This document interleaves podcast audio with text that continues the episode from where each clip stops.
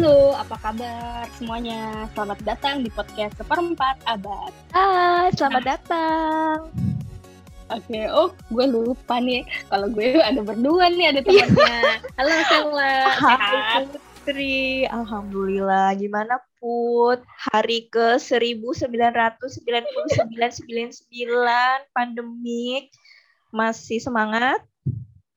Oh semangat dong. Oh, semangat. Apalagi di tengah uh, kita WFH dan pandemi ini kita uh, ada ini ya proyek kecil-kecilan podcast jadi ah, lumayan uh, mengurangi stres sih mengurangi gitu. stres biar enggak burn burn biar out apa nih ya, burn oh iya benar-benar ya. oke hmm, jadi entah. jangan ini aja yang burn ya jangan dompet aja yang burn aduh Ya ampun, okay. itu tuh bener-bener tuh uh, WFH ini bukannya bikin kita hemat, karena di rumah aja malah kita bikin boros gitu ya. Maksudnya setiap Betul. kali kita bentar-bentar buka online shop, bentar-bentar hmm. buka Instagram, bentar-bentar buka e-commerce kayak gitu.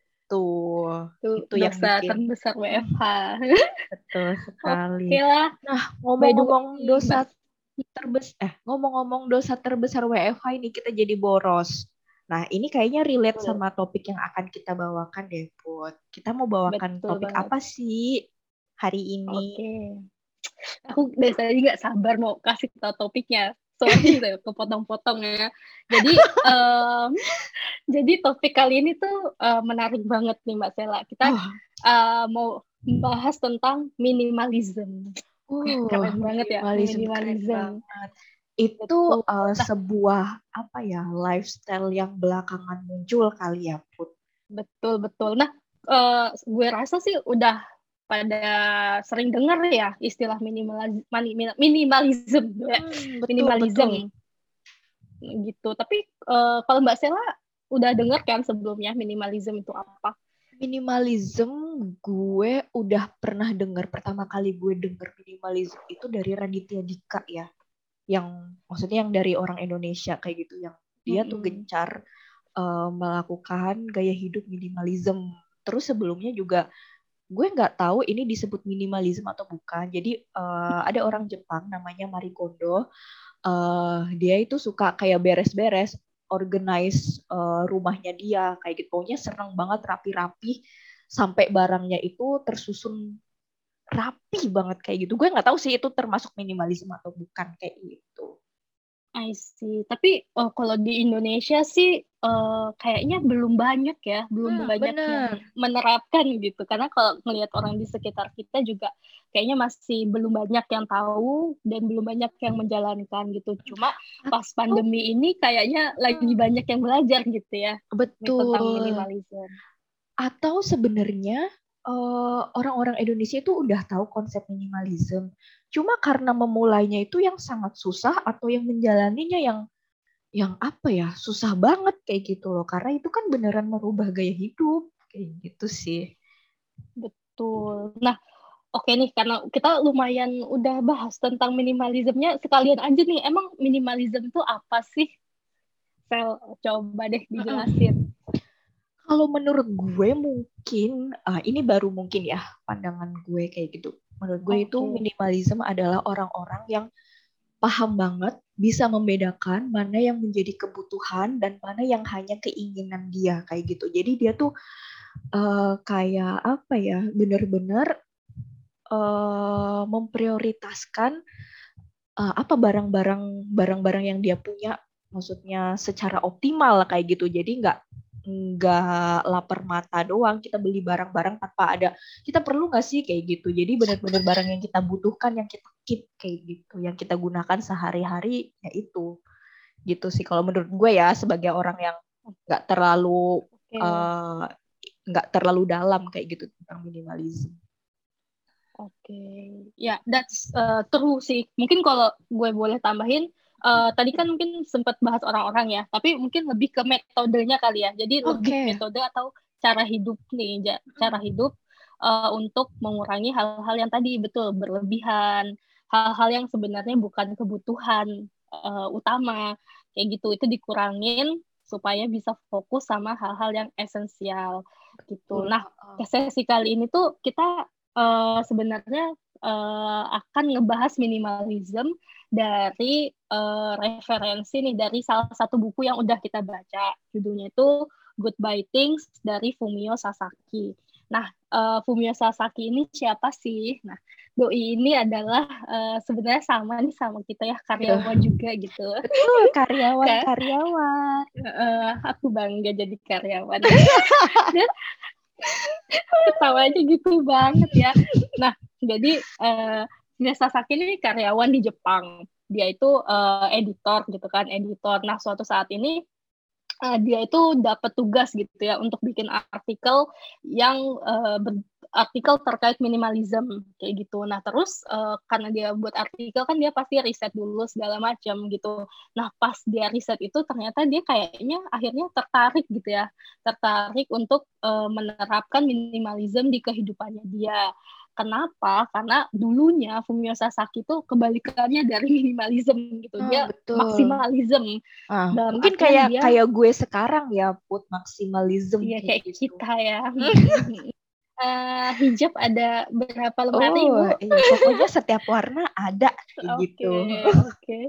Sepatu ada berapa rak? Uh, kebetulan saya nggak terlalu banyak sepatu oh, sih, okay, baju okay. yang banyak. Gitu. Baju ya wanita ini, oke okay, oke. Okay.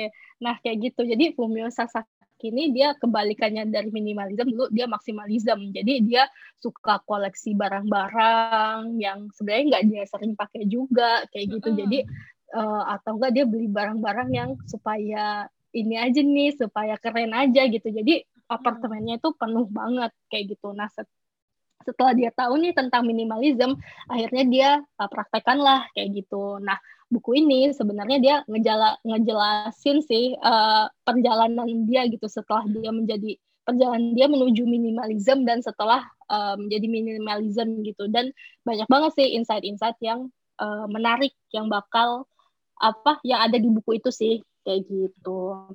Betul nah, sekali. Uh, Oke. Okay. Yap, dan di podcast ini uh, kita tentunya nggak akan bahas semua isi bukunya ya Put, karena waktunya pasti akan panjang sekali dan boring kayak gitu. Nah, tapi kita akan bahas nih uh, beberapa yang menurut kita menjadi inti dari buku ini. Jadi bottom line-nya itu apa sih dari buku ini kayak gitu. Mungkin uh, kita langsung aja nih bahas satu persatu Put. Uh, silahkan. Apa oh. nih yang pertama nih okay. kalau dari highlightnya kita? Oke, okay, yang oke. Okay, jadi kita masing-masing udah baca ya, udah udah baca hmm, terus kita kayak oke, okay, uh, menurut lo yang menarik apa? Menurut gue menarik apa gitu. Nah ini ya salah satu yang menurut gue uh, sebenarnya harusnya uh, tahu ya. Cuma kadang-kadang kita uh, baru oh iya ya gitu. Adalah ini nih menyusun dan membuang adalah hal berbeda kayak gitu. Nah, iya menyusun dan membuang. Jadi kita itu uh, mungkin kalau misalnya kita pasti uh, sering suka lah ya beberes merapikan ya, betul kayak sekali. gitu. Nah, kadang-kadang ya sebulan sekali lah kita lakukan kayak gitu. Iya. Nah, ketika kita biasa merapikan barang itu kayak udah udah paling hebat deh rasanya Betul ya. sekali, udah paling hebat, jadi udah paling puas kayak gitu. Betul, jadi merasa man manusia terbesar okay. di dunia kayak gitu. Selamat nah, menikmati okay. podcast Tetapi poinnya kalau di minimalism itu bukan cuma yeah. rapi, tapi juga in the next podcast. Uh, nah, apa ya? Bye. Menyingkirkan gitu, menyingkirkan tadi hmm, barang-barang hmm, yang tidak esensial ya. Uh. Tidak, tidak, tidak esensial, barang-barang yang kita uh, sama nih tapi kita punyanya banyak gitu. Terus uh, apa ya nggak nggak nggak kepake nggak memberikan value kayak gitu. Jadi uh, sangat beda ya. Jadi kalau misalnya mungkin yang Mary Kondo itu uh, uh, apa ya lebih ke tadi sih Penyusun, lebih yang kayak merapikan kita menyusun, kayak gitu kayak, kayak gitu. Betul sih. Nah kok sedangkan kalau. Uh, gimana gimana? uh, tapi uh, apa ya kayak ada garis benar sih kayak kata Putri tadi ada garis pembatas yang sangat kentara antara menyusun dan uh, membuang kayak gitu. Ketika kita uh, ketika kita menyusun, oke okay lah mungkin kita akan merasakan kerapihan beberapa saat. Tapi seiring yeah. berjalannya waktu, barang-barang itu tuh nggak sebenarnya tuh nggak ke mana-mana ya di situ-situ aja ya nanti akan berantakan lagi, berantakan lagi ya nggak sih? Betul. Siklusnya berulang. Jadi kalau misalnya membuang itu lebih sustain ya karena kita uh, ya udah selanjutnya nggak akan pusing lagi. Tapi kalau menyusun ya karena itu banyak dan itu pasti akan berantakan lagi kayak gitu. Jadi kita juga spend waktu lebih banyak buat ngerapiin kayak betul gitu. sekali. Itu sih yang pertama. Nih next kalau dari Sela uh, apa lagi nih yang menarik di buku itu? Uh, kalau yang menarik uh, menurut gue itu uh, poin ini nih.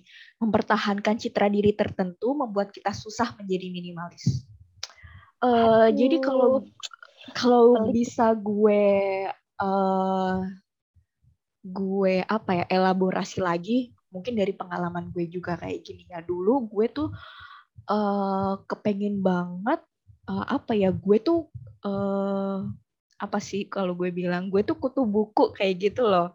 Kayak gue tuh uh, kepengen banget orang melihat gue gue uh, suka banget baca buku. Jadi gue tuh setiap kali pergi ke mall pasti selalu mampir ke toko buku untuk membeli satu buku satu buku kayak gitu. Padahal sebenarnya buku-buku itu nggak langsung gue baca kayak gitu. Nggak langsung gue uh, habiskan uh, saat itu juga loh. Put kadang gue beli terus gue baca sebentar. Hmm. terus ya udah uh, gue sih ya udah gue simpen atau tergeletak. Dan entah kapan lagi gue menghabiskan buku itu kayak gitu. Nah buku satu belum selesai dibaca gue ke mall lagi gue beli lagi buku yang lain kayak gitu jadi di rak buku gue tuh kayak banyak masih banyak banget buku-buku sebenarnya yang belum gue baca. Nah, karena gue terlalu apa ya? Terlalu ingin mempertahankan citra diri. Oh, ini loh gue suka baca buku. Oh, gue uh, kepengen belajar terus kayak gitu. Makanya buku-buku gue banyak loh. Nah, itu sebenarnya sih yang membuat gue menumpuk-menumpuk buku kayak gitu. Menumpuk menumpuk barang kayak gitu sih. Itu karena gue men, uh, mempertahankan citra diri gue.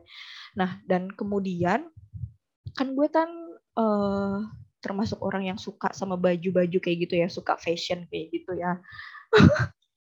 Nah uh, ini sih yang menurut gue yang susah. Maksudnya orang-orang tuh udah kayak ngelihat gue uh, gue berbusana uh, syari dan gue juga kepengen uh, memperlihatkan modis kepada orang gitu ya, uh, syari itu gak boring loh. Syari itu tetap modis loh. Makanya gue tuh uh, banyak nih baju-baju gue kayak gitu. Nah sebenarnya baju-baju gue juga ada yang cuma dipakai sekali dua kali itu karena event put karena lagi-lagi kita juga uh, histori kita pernah bekerja di uh, pernah dan sedang bekerja di startup yang yang mana banyak event dan saat itu mengharuskan pakai dress code inilah, dress code itulah, dress code apalah sehingga gue pun mengikuti kayak gitu ya. Kalau misalnya oh buka bersama pakai dress code putih ya, wah gue nggak punya baju dress uh, baju putih nih. Ya udah gue beli baju kayak gitu. Oh hari kemerdekaan kita harus pakai dress code nuansa merah ya. Wah gue nggak punya dress code merah nih. Ya udah gue beli. Nah kayak gitu sih yang bikin itu baju sebenarnya cuma dipakai sekali dua kali dan nggak dipakai setiap hari dan itu cuma ya udah numpuk aja. Kayak gitu sih menurut gue. Itu yang bikin hmm yang bikin gue susah menjadi minimalism kayak gitu. Nah, uh, selanjutnya apalagi put? Oke, okay. nah uh, poin selanjutnya itu uh, tentang terlalu gimana ya bahasanya? Mungkin uh, kalau misalnya kita terlalu mengkhawatirkan atau kita terjebak di masa lalu dan terlalu mengkhawatirkan masa depan, itu membuat kita itu susah untuk jadi minimalis. Hmm. Kayak gitu. Jadi kalau di minimalis itu kita uh, bukan dituntut ya, tapi lebih ke minimalis itu kita lebih banyak fokusnya itu di masa yang sekarang. Kayak gitu. Apa yang kita uh, penting lah untuk uh, sekarang kayak gitu.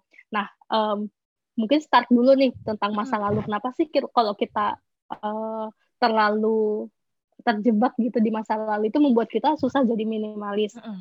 Contohnya nih aja nih ya, uh, kita itu kan uh, sering ya dapat hadiah, dapat uh, sesuatu gitu ya dari nah, orang-orang apalagi yang dari orang-orang yang kita anggap penting gitu mungkin ya. Penting hmm. gitu keluarga, sahabat, uh, rekan kerja kayak gitu. Nah, uh, di budaya kita nih ya di budaya kita nih uh, cenderungnya kan kita kita menghargai pemberian itu dengan menyimpannya. Ah, betul kayak gitu. banget gitu. tuh, nah, betul banget.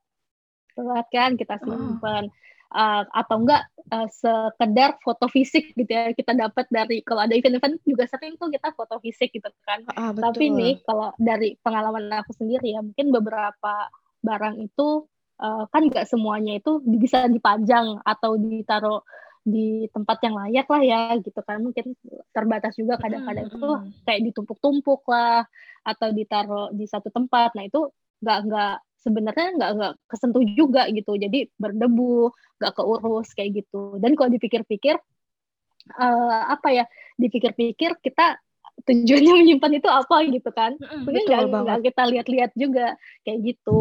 Nah di buku itu dibilang sebenarnya salah satu hal nih yang bisa kita lakukan supaya kita bisa tetap uh, menghargai gitu ya dengan orangnya, menghargai orangnya, dan kita tetap mengingat momennya adalah kita ingat aja nih uh, ketik uh, perasaan saat kita mendapatkan barang itu dari orang yang kita sayangin itu sih orang-orang yang dekat lah dengan kita yaitu dengan mengingat rasa tadi mengingat rasa bersyukur ketika kita diberikan kayak gitu iya. dan kak momen itu kan sebenarnya kerekam ya di pikiran kita gitu betul jadi sekali, betul sekali. tanpa barang tadi pun sebenarnya itu terekam kayak gitu mungkin masih nah. terasa nah, hangatnya kita diberi perhatian iya, dan sebagainya betul, gitu ya betul dan sebenarnya kan uh, kita nih uh, misalnya kita di posisi yang memberikan kita kan harusnya juga nggak akan nggak boleh dong memaksa. Pokoknya lu harus simpan ya kayak gitu. Mm-hmm. kan sebenarnya karena uh, ekstrimnya nih ya kalau misalnya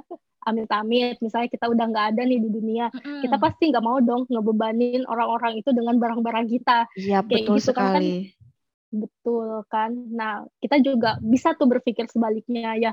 Mereka udah kasih ke kita itu hak-hak kita mau kita apain kita sumbangin mm. kayak itu itu tapi uh, poinnya adalah kalau kita nggak pakai barangnya ya kayak gitu sih. Nah terus uh, yang satunya lagi nih tentang masa depan kayak gitu. Jadi um, kita itu gue juga nih ya kayak sering membeli atau menyimpan barang-barang yang mungkin mungkin nanti ke berguna mungkin uh, nanti kepakai atau apalagi, sifatnya preventif doang. Uh, mungkin apalagi kalau lagi ada diskonnya yang diskon jahat Betul. ya maksudnya wah eh, ada diskon nih oh, gue nggak butuh saat ini mungkin suatu saat betul. gue akan butuh tapi ternyata enggak. Oh my god. Betul. Contohnya itu kayak misalnya per, per perkakas rumah ya yang untuk memperbaiki hmm. sesuatu atau apalah itu atau oh, mungkin uh, iya betul. dapur apalah itu.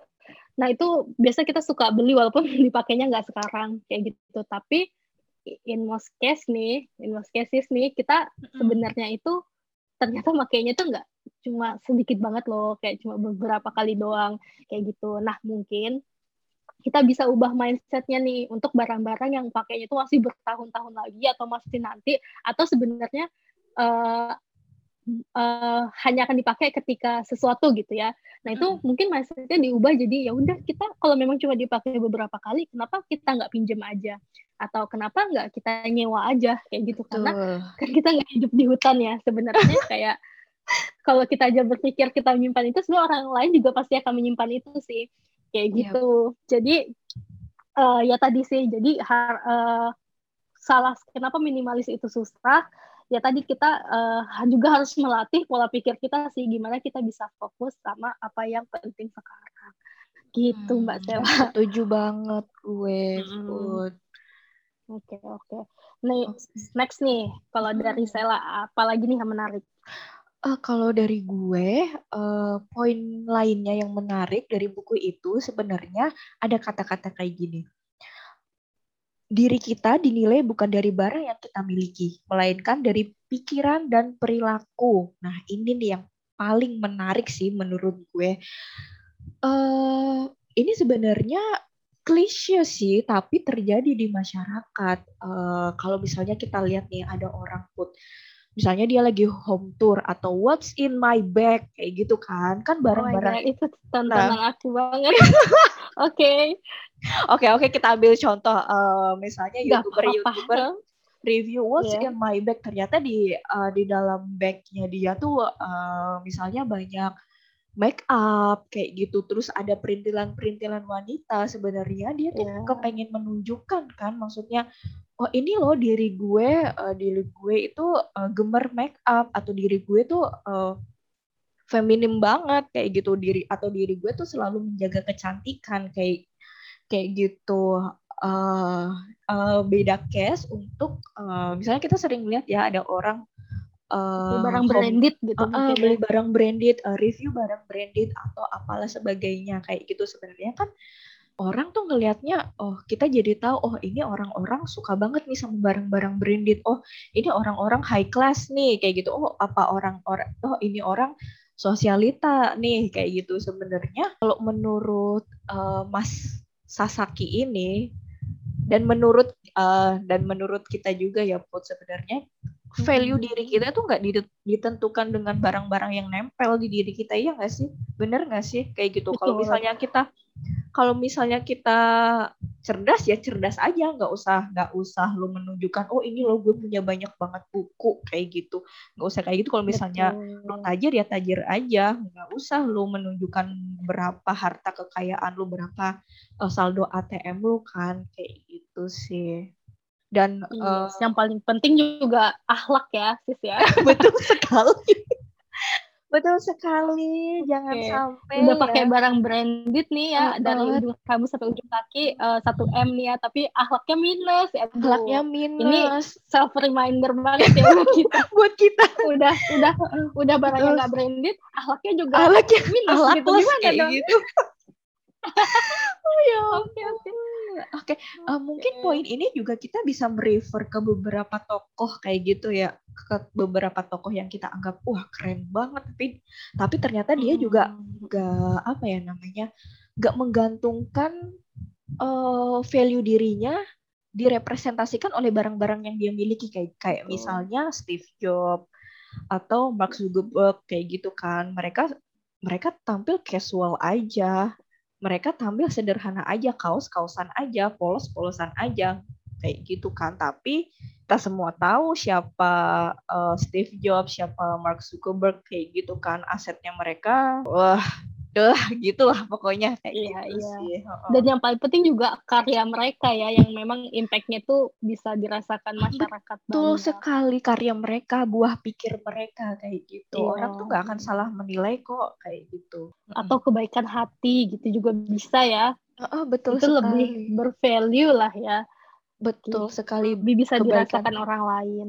Hmm, itu yang penting di zaman sekarang sih kebaikan hati kayak gitu okay. put. Nah itu sih mungkin mindset yang perlu kita ubah dari kita. Kita sebenarnya nggak nggak perlu loh beli barang-barang yang yang kita pikir yang merepresentasikan diri kita. Nggak perlu kayak gitu. Mm-hmm. itu sih mungkin yang bisa menolong kita buat oke okay, ayo kita kembali ke minimalis. Yuk kita nggak perlu nggak perlu barang-barang branded. Kita nggak yeah. perlu barang-barang apa kayak gitu.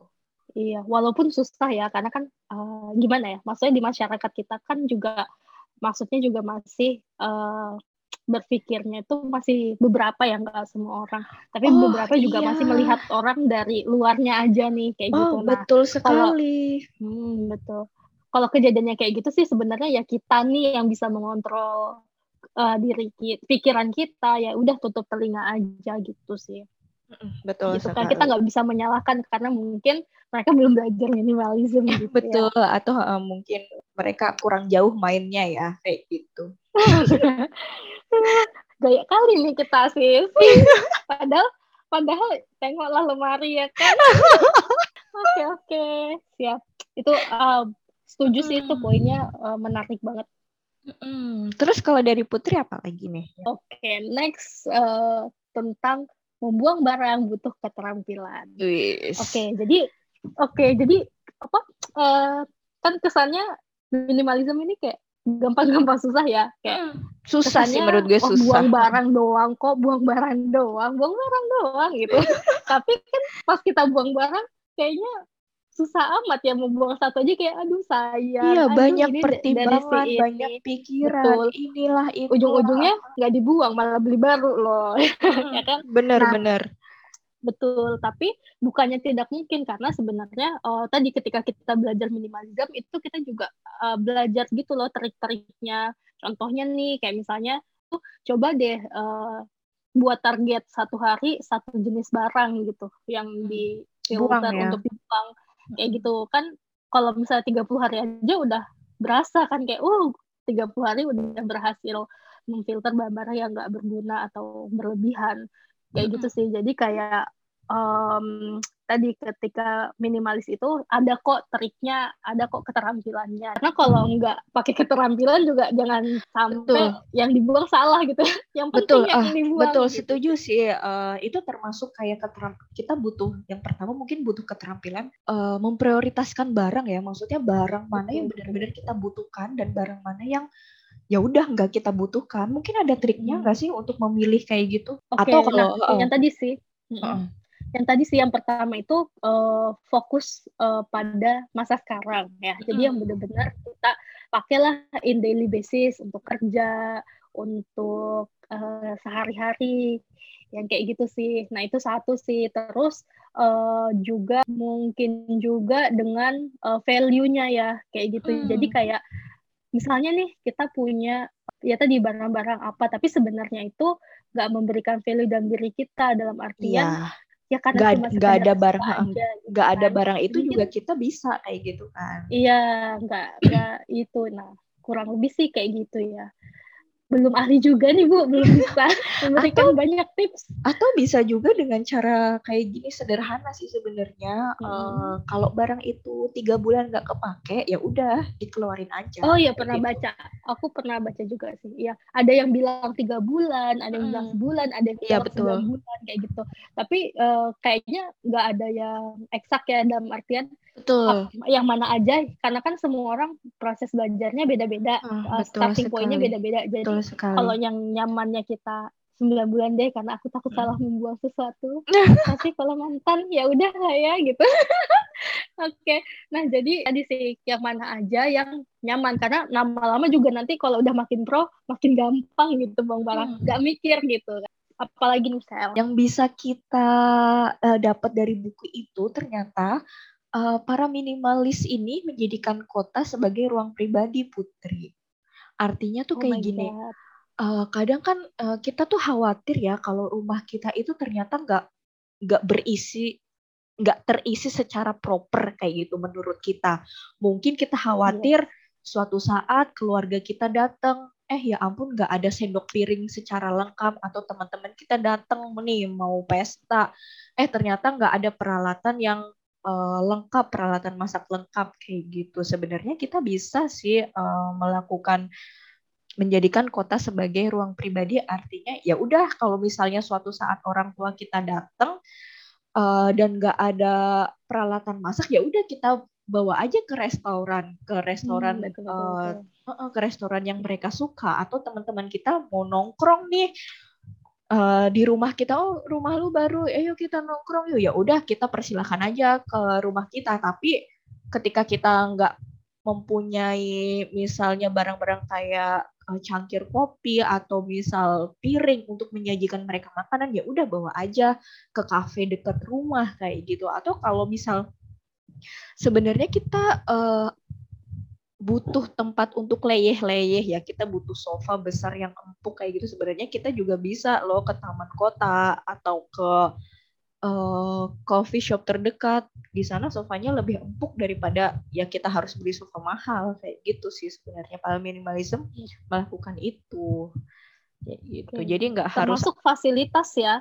Eh kayak betul misalnya sekali. orang, uh, buat gym di rumah. Nah. terus buat bioskop editing fasilitasnya di mall itu di, gitu. dibuat gitu ya di rumah gitu. Padahal uh, kalau kita bilang olahraga kayak sekarang juga di kota-kota itu kan ada taman kota, ada pusat kebugaran itu kan bisa dimanfaatkan ya. Bahkan kan Betul. banyak juga yang gratis. Kayak Betul, gitu. dimanfaatkan. Jadi kita nggak hmm. perlu lah ibaratnya beli alat gym banyak banget yang yang mana kita tuh hmm. gue yakin sih gue nggak akan tiap hari pakai kayak gitu. Oke, okay, Sela standar. kayak gitu. Okay. Jadi itu sih bisa jadi uh, perubahan mindset sedikit kayak gitu. Betul, Jangan apa-apa dimasukin ke rumah kita kayak gitu. Kita manfaatin iya. aja fasilitas yang ada di sekeliling kita. Gitu, Putri. Betul sih kalau dipikir-pikir udah dibikinin sama ini ya ibaratnya fasilitas umum tapi nggak kita manfaatkan kan sayang juga ya. Oh, malah kita rusak gitu. ya justru iya. sering-sering atau kayak gitu. Atau mungkin kalau ini juga ya kalau kita mau, maksudnya kayak daripada spend duit banyak-banyak juga buat misalnya ruang kerja yang harus ini banget lah. Sebenarnya kita bisa ke coffee shop kan cari betul. suasana baru atau bahkan enak lagi ada bisa co-working space kan. Betul, betul. Co-working space juga sih solusi banget. Oke, oke. Okay. Oke, okay. mungkin next apa lagi Putri dari Putri? Oke, okay.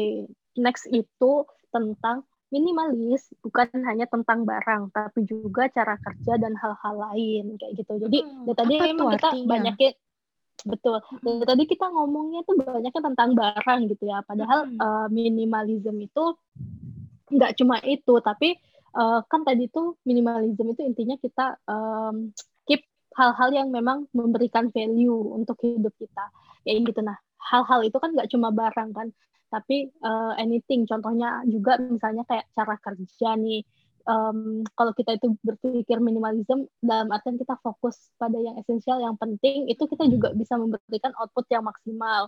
Contohnya Betul. tuh di buku hmm, contohnya di buku itu um, ini sorry ya kalau salah sebut. Jadi Lionel Messi itu oh Lionel, Lionel Messi hmm gimana ya bacanya? Ya uh, mm. Mas Messi lah ya. Mas Messi. Jadi Mas Mas Messi. Jadi si Mas Messi ini uh, berdasarkan pengamat dia itu adalah salah satu atlet uh, sepak bola yang uh, larinya itu paling sedikit gitu. Mm. jadi uh, di bawah rata-rata gitu. Tapi dia mencetak gol uh, salah satu pencetak gol terbanyak gitu. Jadi uh, sebenarnya jadi kelihatan gitu sebenarnya dia uh, fokus pada gimana caranya dia bisa ngegolin kayak gitu itu bukan dari larinya tapi oh. mungkin ada artinya dia lain, artinya gitu. dia bekerja sangat efisien ya maksudnya nggak perlu lari efisien. dari ujung lapangan ke ujung lapangan betul gitu. itu yang saya lakukan waktu ekskul eh, bukan ekskul kita olahraga di SMA kan cewek-cewek lari doang ya gitu oh iya betul ya kan lari gitu bolanya ngejar kita kayak hmm, betul lari ke sana kemari kayak gitu bolanya di mana kita kejar gitu terus juga nggak cuma barang fisik tapi juga barang uh, digital. Kayak misalnya uh, handphone kita banyak aplikasi uh, banyak foto atau file-file yang nggak sebenarnya cuma jang doang. Itu kan sudah bisa dibersihin dan membuat performa handphone juga lebih bagus. Kayak gitu sih. Jadi Betul banyak banget ya minimalism terus termasuk ngedetox um, apa ya pikiran gitu. Untuk memikirkan hal-hal yang lebih uh, penting. Tapi ya tadi tadi tadi juga kebantu kalau misalnya kita bisa berpikir lebih jernih atau lebih fokus ya tadi kalau kita barang-barangnya juga nggak terlalu banyak iya, kalau betul kita kerjaan juga nggak ribet gitu. Uh -uh. jadi kayak ya saling nyambung ya iya betul. Energi kita nggak habis ya buat ngurusin barang kayak gitu. Iya betul. Oke okay. oke okay, next nih dari Sela. Ada lagi nggak Mungkin yang terakhir nih, poin dari aku, okay. uh, eh, kalau dari bukunya Mas Sasaki itu, dia sebutkan mempunyai sedikit barang membuat kita lebih bersyukur dan bahagia. Gue setuju banget sih dengan itu, daripada yang kita kayak I want it, I get it, I want it, I get it. Kayak apa yang kita mau kita dapat, apa yang kita mau kita dapat, ya udah, ya udah gitu aja rasa puasnya ya udah sebentar aja daripada yang kita punya satu barang kayak gitu maksudnya kita nggak gampang nambah nambah nambah barang kita punya satu dan itu esensial buat kita ya udah kita kayak memaksimalkan fungsi barang itu dan kita merasa bersyukur kita kayak apa ya kalau orang bilang mungkin sekarang kayak mindful kayak gitu ya nggak sih kita nggak hmm. perlu Yeah. Uh, ibaratnya kita nggak perlu tercurahkan energi kita buat oh gue pengen beli barang ini beli barang ini beli barang ini beli barang ini kayak gitu itu kan kayak menguras energi banget, menguras pikiran kita banget. Coba deh kalau misalnya hmm. kita kita rem aja, kita wah cukup nih dengan barang ini aja kita pergunakan secara optimal. Ya udah kita bisa mensyukurilah apa yang kita dapat, apa yang hmm. kita apa yang maksudnya yang udah cukup nih di hidup kita cukup kayak gitu kan. Mungkin perbandingannya misalnya gini, kita punya 10 tas sama yang jarang kita pakai sama dua tas yang memang kita pakai terus-terusan. Rasanya kita bakal lebih apa ya? seneng aja ya dengan yang dua tas itu walaupun mungkin udah buluk udah apa tapi karena dia memberikan value banget kita pakai terus-terusan malah nilainya kayaknya bertambah gitu ya kayak Betul lebih sekali. menghargai dan kita juga lebih gampang jaganya kan merawatnya kayak Oh, gitu betul sekali kita kayak yang gitu. 10 tadi Mm, kayak gitu. Ini kayaknya inti dari buku ini ya. Jadi ujung-ujungnya itu minimalism ini kayak boosting kita punya happiness juga gitu. Mm. itu yang paling kayaknya ujung dari minimalism itu membuat kita lebih bersyukur sama bahagia. Kayak Iya, karena kalau kita bersyukur itu ya yang tadinya kita uh, mau A B C D kayak karena di atas langit kan masih ada langit Masih ada langit, nggak Nah. akan nggak akan selesai kayak gitu. Kita Iya, masih sibuk betul. dengan mengejar apa yang kita belum dapat kayak gitu sih. Betul. Nah, kalau kita bersyukur, rasanya kayak sebenarnya kayak cukup ya. Contohnya baju. Baju, Hmm. kalau misalnya kita, oh ya, uh, aku bersyukur, ini cukup, ini nyaman, ya sebenarnya eh, gue kayaknya cukup aja. Bahkan lebih ya kayaknya baju yang kita Hmm. punya. Betul sekali. Sepatu juga, kalau dipikir-pikir, oh, lebih dari cukup. Bahkan kita bisa punya spare buat ganti-ganti. Jadi malah kita nggak perlu beli lagi kayaknya. Oh iya nih, sebelum kita mengakhiri mungkin ya eh, Putri, Iya. menurut lo itu eh, seberapa minimalis kita sih sehingga kita bisa disebut sebagai minimalism? kalau sebenarnya minimalism setiap orang itu akan berbeda-beda. Hmm, Kalau betul. Gue itu gue betul karena kalau gue tipikal yang eh, apa ya eh, percaya bahwa semua orang itu punya eh, starting point beda-beda, Hmm, betul punya sekali. titik yang berbeda-beda kayak gitu. Jadi em, kalau yang menurut gue itu balik lagi ke orangnya mana yang eh, menurut dia itu nyaman, mana yang gampang di- mudah dia dijalani gitu. Mm-mm. Tapi kalau yang pernah gue baca, em, ada juga orang yang menganut minimalism itu eh, apa ya ekstrim, dibilangnya Betul. itu ekstrim Uh, uh, minimalism. sampai satu apartemen dia isinya cuma kasur satu ya sama meja Betul. satu kayak gitu tuh menurut gue juga ekstrim sih. Iya. Contohnya si uh, Fumio Sasaki ketika dia Hmm. pindahan dia cuma butuh uh, 30 menit. 30 gitu. menit buat siap-siap ya. Ya ampun gue Iya, tuh kita jadi ingat. bisa ini sampai jadi inget pengalaman gue Putri. Wah. Ya ampun, kenapa gue kayak oh ya udahlah gue kepengen nih uh, menjalani gaya hidup Hmm. minimalisme sebenarnya. iya. Gue tuh kan pindah dari kos dari kos satu ke kos lain selama selama di Jakarta lima tahun tuh mungkin ada lima kali ya. Setiap kali gue pindah kos, barang-barang gue yang gue bawa dari kosan lama ke kosan baru, terus pindah ke kosan yang baru lagi itu jumlahnya nambah dua kali lipat kayak gitu Nambah. sampai Hmm. terakhir kali gue pindah ke ke daerah ke rumah orang tua gue, gue masih gue banyak banget barang yang gue bawa kayak gitu loh put. Oh my god, jadi gue Oke. jadi dari saat itu tuh gue udah deh gue akan eh, nggak akan membawa semua barang-barang gue. Nah saat itu semua buku-buku gue yang udah gue kumpulin, gue sumbangin ke komunitas baca. Terus baju-baju gue juga yang gue jarang gue pakai, gue sumbangin ke mana-mana. Dan mungkin eh, sejak eh, tahun 2020 kebiasaan gue membeli baju yang setiap yang sebelumnya bisa gue setiap bulan gue beli beberapa baju. Jadi gue kayak setahun itu cuma beli baju satu atau dua kali dan itu pun harus vivo ya. Maksudnya satu gue beli ya udah gue harus mengeluarkan satu atau bahkan gue mengeluarkan dua. Kayak gitu sih. Itu yang bikin Iya. itu yang salah satu uh, jalan gue menuju minimalis. Walaupun gue belum belum terlalu banget minimalis kayak gitu nah Iya, kalau jadi eh, tersadar sendiri ya gitu, tersadar Bu. sendiri karena barang-barang itu sebenarnya merepotkan dan yang merepotkan itu sebenarnya nggak kita pakai kenapa sih barang-barang nggak kita pakai tapi ngerepotin diri kita kayak gitu itu sih yang Iya. bikin gue tertampar-tampar dulu dan sekarang gimana nih ya kan Apa? aku tahu banget eh selayan dulu dan sekarang eh, beda banget ya karena dulu kan eh, lumayan eh, bajunya lumayan banget ya sih Ah, ah, betul tiap bulan sekali kayaknya ada gitu ya ada aja Gitu. ya Hmm, karena kayaknya tadi efek pandemi juga nggak sih Kayak jadi ngerasa kayak ya ngapain ya beli baju Iya betul sekali. Eh, pandemi ini kayak impactnya gede banget sih buat eh, kita semua kayak gitu. Betul, kayak kita betul. mungkin lebih kayak kayak fokus buat diri sendiri, fokus buat improve diri sendiri yeah. daripada kita memperkaya diri kita dengan barang-barang yang gak kita pakai ke mana-mana kayak gitu. Oh, betul. Oke, okay. oke okay. seru banget ya kalau kita ngomongin minimalism itu mm, betul gak, gak ada, ada habisnya, habisnya gitu. Dan perjalanan menuju minimalism tuh panjang karena kalau kayaknya baca-baca tuh orang yang ekstrim minimalis pun dia masih berusaha gimana caranya biar lebih minimalis lagi gitu. Mm, biar kayak, hidup lebih bahagia iya, gitu. Sampai barangnya tuh cuma satu tas doang gitu. Itu keren banget sih.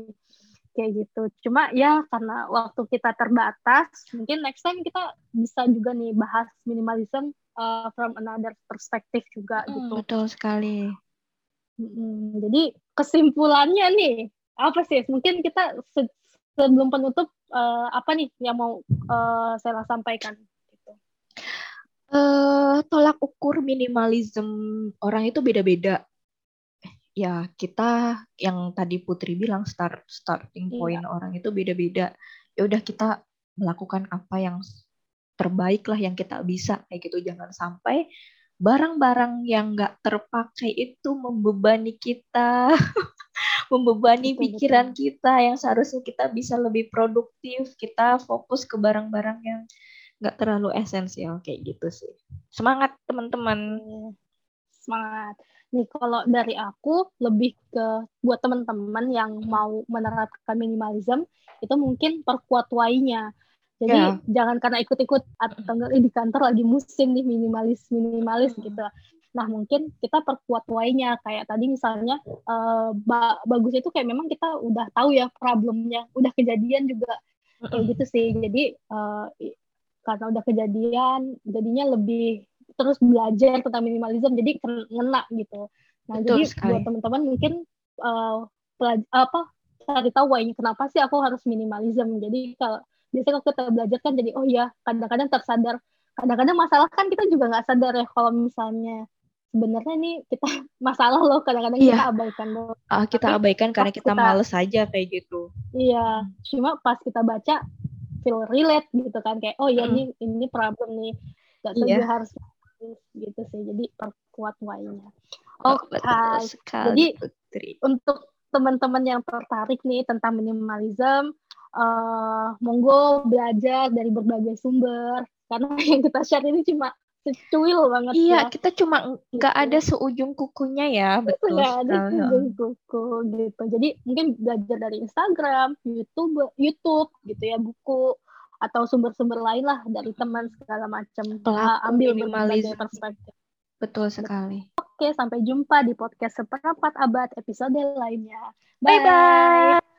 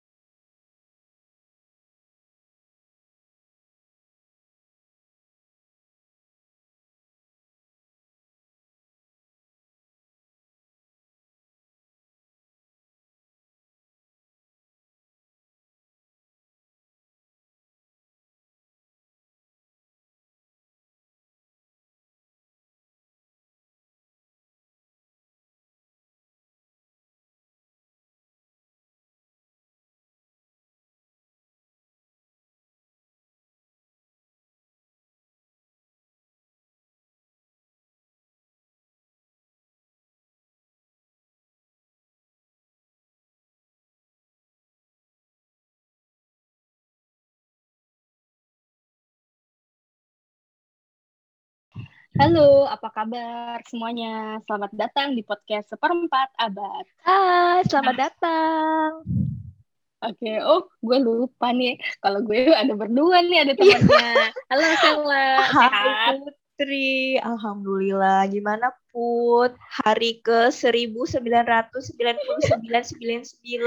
pandemik. Masih semangat?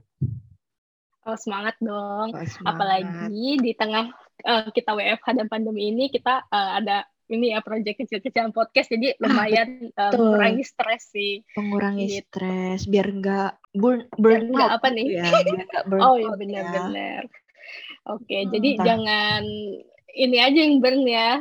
Jangan dompet aja yang burn aduh ya ampun okay, itu tuh bener-bener tuh uh, WFH ini bukannya bikin kita hemat karena di rumah aja malah kita bikin boros gitu ya. Maksudnya setiap betul, kali kita bentar-bentar buka online shop, bentar-bentar hmm. buka Instagram, bentar-bentar buka e-commerce kayak gitu. Itu, itu yang bikin terbesar WFH. Betul sekali. Oke lah. Nah, ngomong-ngomong dosa terbesar eh ngomong-ngomong dosa terbesar WFH ini kita jadi boros. Nah, ini kayaknya relate betul. sama topik yang akan kita bawakan deh, Put. Kita mau bawakan betul topik banget. apa sih? Hari ini. Oke. Okay. Aku dari tadi nggak sabar mau kasih tau topiknya. Sorry kepotong-potong ya. Jadi um, jadi topik kali ini tuh uh, menarik banget nih Mbak Sela. Kita oh. uh, mau bahas tentang minimalism. Uh, keren banget ya minimalism. minimalism. Banget. Itu uh, sebuah apa ya lifestyle yang belakangan muncul kali ya Put.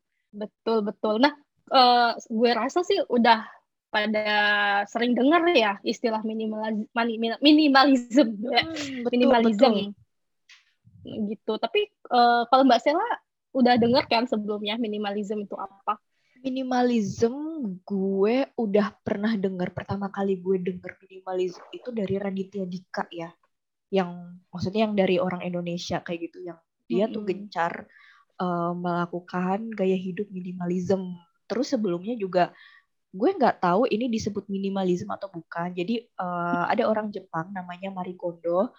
Uh, dia itu suka kayak beres-beres, organize uh, rumahnya dia kayak gitu. Pokoknya seneng banget rapi-rapi sampai barangnya itu tersusun rapi banget kayak gitu. Gue nggak tahu sih itu termasuk minimalisme atau bukan kayak gitu.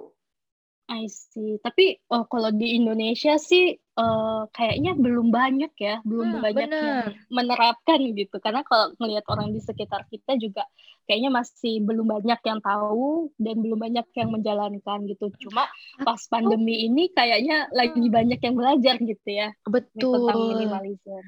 Atau sebenarnya uh, orang-orang Indonesia itu udah tahu konsep minimalism. Cuma karena memulainya itu yang sangat susah atau yang menjalaninya yang yang apa ya susah banget kayak gitu loh. Karena itu kan beneran merubah gaya hidup kayak gitu sih. Betul. Nah, oke nih karena kita lumayan udah bahas tentang minimalismnya sekalian aja nih. Emang minimalism itu apa sih? Sel, coba deh dijelasin. Kalau menurut gue mungkin uh, ini baru mungkin ya pandangan gue kayak gitu. Menurut gue okay. itu minimalisme adalah orang-orang yang paham banget bisa membedakan mana yang menjadi kebutuhan dan mana yang hanya keinginan dia kayak gitu. Jadi dia tuh uh, kayak apa ya benar-benar uh, memprioritaskan uh, apa barang-barang barang-barang yang dia punya maksudnya secara optimal kayak gitu. Jadi nggak nggak lapar mata doang kita beli barang-barang tanpa ada kita perlu nggak sih kayak gitu jadi benar-benar barang yang kita butuhkan yang kita keep kayak gitu yang kita gunakan sehari-hari ya itu gitu sih kalau menurut gue ya sebagai orang yang nggak terlalu eh, nggak okay. uh, terlalu dalam kayak gitu tentang minimalisme Oke, okay. ya yeah, that's uh, true sih. Mungkin kalau gue boleh tambahin, uh, tadi kan mungkin sempat bahas orang-orang ya, tapi mungkin lebih ke metodenya kali ya. Jadi okay. lebih metode atau cara hidup nih, cara hidup uh, untuk mengurangi hal-hal yang tadi betul berlebihan, hal-hal yang sebenarnya bukan kebutuhan uh, utama kayak gitu itu dikurangin supaya bisa fokus sama hal-hal yang esensial gitu. Nah, sesi kali ini tuh kita uh, sebenarnya uh, akan ngebahas minimalism dari uh, referensi nih dari salah satu buku yang udah kita baca. Judulnya itu Goodbye Things dari Fumio Sasaki. Nah, uh, Fumio Sasaki ini siapa sih? Nah, Doi ini adalah uh, sebenarnya sama nih sama kita ya karyawan juga gitu. Betul, karyawan, karyawan. Uh, aku bangga jadi karyawan. Ketawanya gitu banget ya. Nah, jadi uh, Sasaki ini karyawan di Jepang. Dia itu uh, editor gitu kan, editor. Nah, suatu saat ini uh, dia itu dapat tugas gitu ya untuk bikin artikel yang uh, artikel terkait minimalism kayak gitu. Nah terus uh, karena dia buat artikel kan dia pasti riset dulu segala macam gitu. Nah pas dia riset itu ternyata dia kayaknya akhirnya tertarik gitu ya, tertarik untuk uh, menerapkan minimalism di kehidupannya dia. Kenapa? Karena dulunya Fumio Sasaki itu kebalikannya dari minimalism gitu. Oh, dia betul. maksimalism. Ah, mungkin kayak dia, kayak gue sekarang ya, put maksimalism. Iya kayak gitu. kita ya. uh, hijab ada berapa lemari oh, Iya, pokoknya setiap warna ada okay, gitu. Oke. Okay. Sepatu ada berapa rak? Uh, kebetulan saya nggak terlalu banyak sepatu oh, sih, okay, baju okay. yang banyak gitu. Baju ya wanita ini, oke okay, oke. Okay.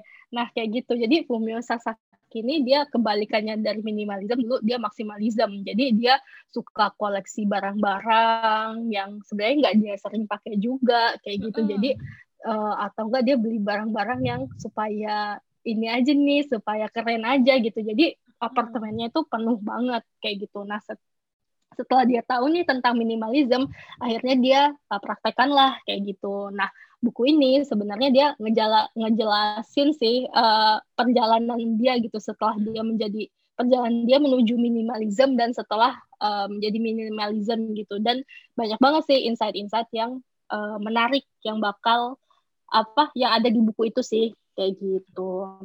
Betul nah, sekali. Uh, Oke. Okay. Iya, dan di podcast ini uh, kita tentunya nggak akan bahas semua isi bukunya ya Put, karena waktunya pasti akan panjang sekali dan boring kayak gitu.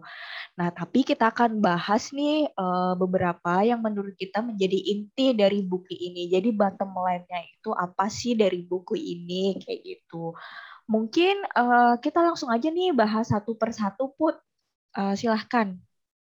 Apa oh. nih yang pertama nih okay. kalau dari highlightnya kita? Oke, okay, yang oke. Okay, jadi kita masing-masing udah baca ya, udah udah baca terus kita kayak oke, okay, uh, menurut lo yang menarik apa? Menurut gue menarik apa gitu. Nah ini ya salah satu yang menurut gue uh, sebenarnya harusnya uh, tahu ya. Cuma kadang-kadang kita uh, baru oh iya ya gitu. Adalah ini nih menyusun dan membuang adalah hal berbeda kayak gitu. Nah, iya menyusun dan membuang. Jadi kita itu uh, mungkin kalau misalnya kita pasti uh, sering suka lah ya beberes merapikan ya, betul gitu. sekali. Nah, kadang-kadang ya sebulan sekali lah kita lakukan kayak gitu. Iya. Nah, ketika kita biasa merapikan barang itu kayak udah udah paling hebat deh rasanya Betul ya. sekali, udah paling hebat, jadi udah paling puas kayak gitu. Betul, jadi merasa manusia terbesar di dunia kayak gitu. Nah, tetapi poinnya kalau di minimalisme itu bukan cuma rapi, tapi juga uh, apa ya istilahnya menyingkirkan gitu, menyingkirkan tadi hmm, barang-barang hmm, yang tidak esensial ya. Tidak, tidak tidak esensial, barang-barang yang kita uh, sama nih tapi kita punyanya banyak gitu. Terus uh, apa ya nggak nggak nggak kepake nggak memberikan value kayak gitu. Jadi uh, sangat beda ya. Jadi kalau misalnya mungkin yang Mary Kondo itu uh, uh, apa ya lebih ke tadi si penyusun yang kayak kita menyusun kayak, kayak gitu kayak gitu. Betul tapi, sih. Nah kok sedangkan kalau uh, gimana gimana? uh, tapi uh, apa ya kayak ada garis benar sih kayak kata Putri tadi ada garis pembatas yang sangat kentara antara menyusun dan uh, membuang kayak gitu. Ketika kita uh, ketika kita menyusun oke okay lah mungkin kita akan merasakan kerapihan beberapa saat. Tapi seiring yeah. berjalannya waktu barang-barang itu tuh nggak sebenarnya tuh nggak ke mana-mana ya di situ-situ aja ya nanti akan berantakan lagi berantakan lagi ya nggak sih? Betul. Siklusnya berulang. Jadi kalau misalnya membuang itu lebih sustain ya karena kita uh, ya udah selanjutnya nggak akan pusing lagi. Tapi kalau menyusun ya karena itu banyak dan itu pasti akan berantakan lagi kayak gitu. Jadi kita juga spend waktu lebih banyak buat ngerapiin kayak betul gitu. sekali. Itu sih yang pertama. Nih next kalau dari Sela uh, apa lagi nih yang menarik di buku itu? Uh, kalau yang menarik uh, menurut gue itu uh, poin ini nih.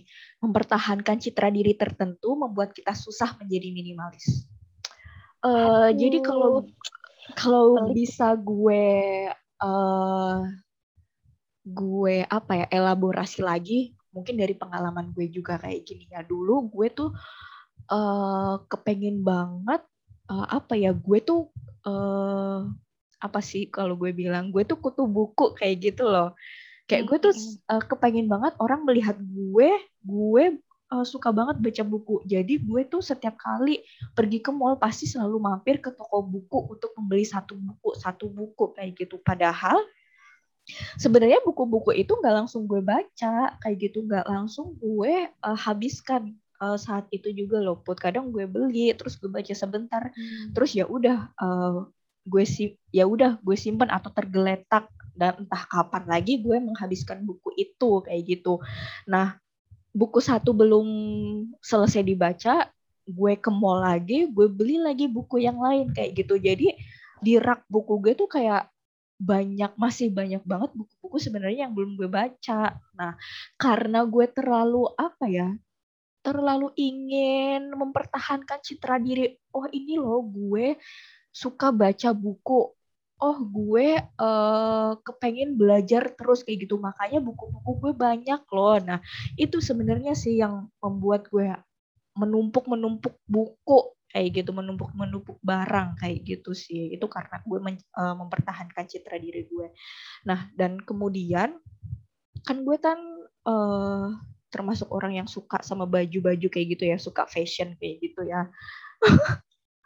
Nah uh, ini sih yang menurut gue yang susah. Maksudnya orang-orang tuh udah kayak ngelihat gue uh, gue berbusana uh, syari dan gue juga kepengen uh, memperlihatkan modis kepada orang gitu ya, uh, syari itu gak boring loh syari itu tetap modis loh. Makanya gue tuh uh, banyak nih baju-baju gue kayak gitu. Nah sebenarnya baju-baju gue juga ada yang cuma dipakai sekali dua kali itu karena event put karena lagi-lagi kita juga uh, histori kita pernah bekerja di uh, pernah dan sedang bekerja di startup yang yang mana banyak event dan saat itu mengharuskan pakai dress code inilah, dress code itulah, dress code apalah sehingga gue pun mengikuti kayak gitu ya. Kalau misalnya oh buka bersama pakai dress code putih ya, wah gue nggak punya baju dress uh, baju putih nih.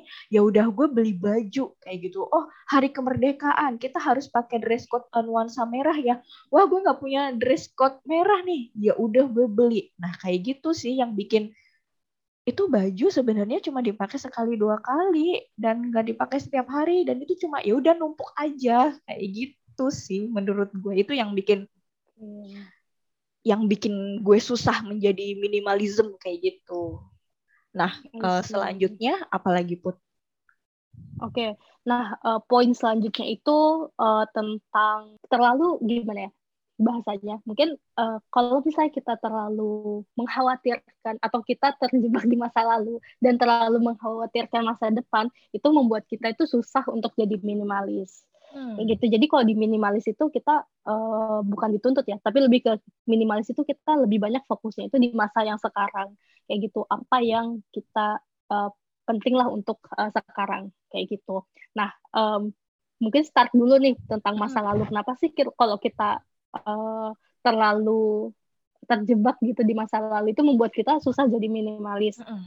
Contohnya nih aja nih ya, uh, kita itu kan uh, sering ya dapat hadiah, dapat uh, sesuatu gitu ya dari nah, orang-orang apalagi yang dari orang-orang yang kita anggap penting gitu mungkin ya. Penting hmm. gitu keluarga, sahabat, uh, rekan kerja kayak gitu. Nah, uh, di budaya kita nih ya di budaya kita nih uh, cenderungnya kan kita kita menghargai pemberian itu dengan menyimpannya.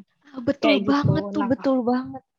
Betul kan kita simpan. Uh uh, atau enggak uh, sekedar foto fisik gitu ya kita dapat dari kalau ada event-event juga sering tuh kita foto fisik gitu kan. Ah, betul. tapi nih kalau dari pengalaman aku sendiri ya mungkin beberapa barang itu uh, kan nggak semuanya itu bisa dipajang atau ditaruh di tempat yang layak lah ya gitu kan. Mungkin terbatas juga kadang-kadang itu kayak ditumpuk-tumpuk lah atau ditaruh di satu tempat. Nah itu nggak nggak sebenarnya nggak nggak kesentuh juga gitu. Jadi berdebu nggak keurus kayak gitu. Dan kalau dipikir-pikir uh, apa ya dipikir-pikir kita tujuannya menyimpan itu apa gitu kan? Mungkin nggak kita lihat-lihat juga kayak gitu.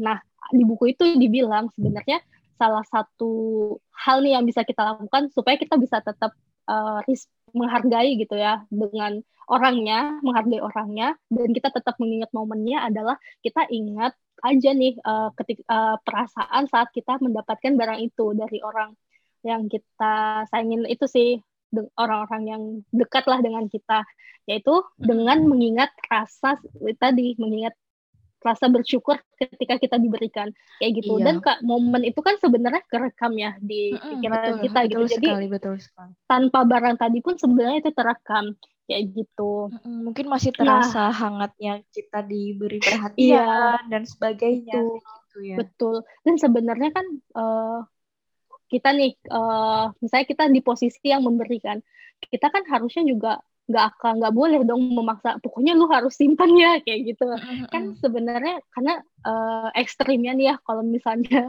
amit-amit misalnya kita udah nggak ada nih di dunia mm. kita pasti nggak mau dong ngebebanin orang-orang itu dengan barang-barang kita iya betul gitu kan, kan sekali kan, betul kan nah kita juga bisa tuh berpikir sebaliknya ya mereka udah kasih ke kita itu hak-hak kita mau kita apain kita sumbangin mm. kayak itu itu tapi uh, poinnya adalah kalau kita nggak pakai barangnya ya kayak gitu sih.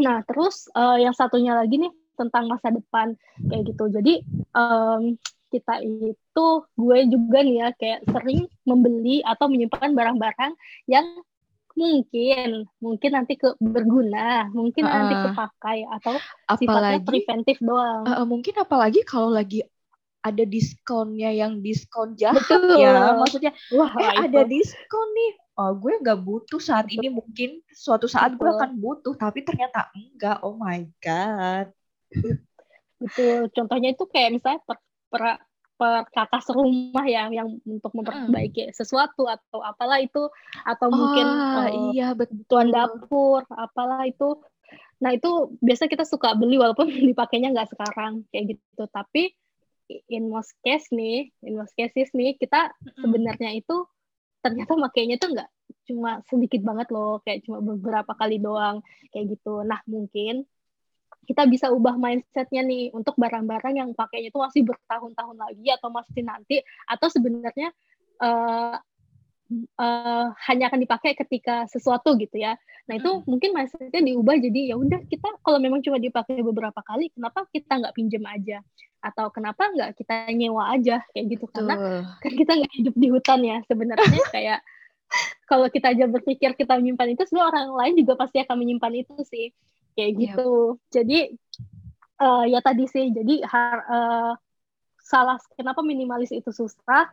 Ya tadi kita uh, juga harus melatih pola pikir kita sih, gimana kita bisa fokus sama apa yang penting sekarang. Gitu hmm, Mbak Sela. Setuju banget gue. Oke Oke oke.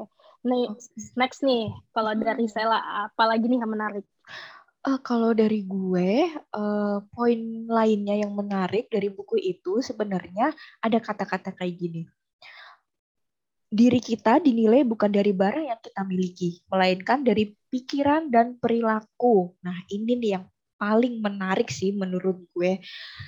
Uh, ini sebenarnya klise sih, tapi terjadi di masyarakat. Uh, kalau misalnya kita lihat nih ada orang put misalnya dia lagi home tour atau what's in my bag kayak gitu kan kan barang-barang oh itu tantangan nah. aku banget oke oke oke kita ambil contoh uh, misalnya youtuber youtuber review what's yeah. in my bag ternyata di uh, di dalam bagnya dia tuh uh, misalnya banyak make up kayak gitu. Terus ada perintilan-perintilan wanita sebenarnya dia tuh yeah. kepengen menunjukkan kan maksudnya oh ini loh diri gue uh, diri gue itu uh, gemar make up atau diri gue tuh uh, feminim banget kayak gitu. Diri atau diri gue tuh selalu menjaga kecantikan kayak kayak gitu. Uh, uh, beda case untuk uh, misalnya kita sering lihat ya ada orang uh, barang branded gitu uh, uh, beli barang branded uh, review barang branded atau apalah sebagainya kayak gitu sebenarnya. Kan orang tuh ngelihatnya oh kita jadi tahu oh ini orang-orang suka banget nih sama barang-barang branded. Oh ini orang-orang high class nih kayak gitu. Oh apa orang-orang oh ini orang sosialita nih kayak gitu sebenarnya. Kalau menurut uh, Mas Sasaki ini dan menurut uh, dan menurut kita juga ya Put sebenarnya value hmm. diri kita tuh nggak ditentukan dengan barang-barang yang nempel di diri kita ya nggak sih? Bener nggak sih? Kayak gitu. Kalau misalnya kita kalau misalnya kita cerdas ya cerdas aja. Nggak usah nggak usah lo menunjukkan oh ini lo gue punya banyak banget buku kayak gitu. Nggak usah kayak gitu. Kalau misalnya Betul. lo tajir ya tajir aja. Nggak usah lo menunjukkan berapa harta kekayaan lo berapa uh, saldo ATM lo kan kayak gitu sih dan yes, uh, yang paling penting juga akhlak ya sis ya. Betul sekali. Betul sekali jangan okay. sampai udah pakai ya. barang branded nih ya oh, dari ujung kamu sampai ujung kaki uh, m nih ya tapi akhlaknya minus ya. Akhlaknya minus ini self reminder banget ya buat kita. Buat kita. Udah udah udah barangnya nggak branded akhlaknya juga akhlaknya minus akhlak gitu gimana dong? gitu. oh ya oke oke Oke, okay. uh, eh, mungkin poin ini juga kita bisa merefer ke beberapa tokoh kayak gitu ya, ke beberapa tokoh yang kita anggap wah keren banget, tapi tapi ternyata dia juga hmm. nggak apa ya namanya, nggak menggantungkan uh, value dirinya direpresentasikan oleh barang-barang yang dia miliki kayak kayak misalnya Steve Jobs atau Mark Zuckerberg kayak gitu kan, mereka mereka tampil casual aja mereka tampil sederhana aja, kaos-kausan aja, polos-polosan aja, kayak gitu kan. Tapi kita semua tahu siapa uh, Steve Jobs, siapa Mark Zuckerberg, kayak gitu kan. Asetnya mereka, wah Duh, gitulah pokoknya kayak iya, gitu iya. sih. Dan yang paling penting juga karya mereka ya, yang memang impactnya tuh bisa dirasakan masyarakat. Betul banyak. sekali karya mereka, buah pikir mereka kayak gitu. Iya. Orang tuh nggak akan salah menilai kok kayak gitu. Atau kebaikan hati gitu juga bisa ya. Oh, betul itu sekali. lebih bervalue lah ya. Betul gitu. sekali. Lebih bisa kebaikan. dirasakan orang lain.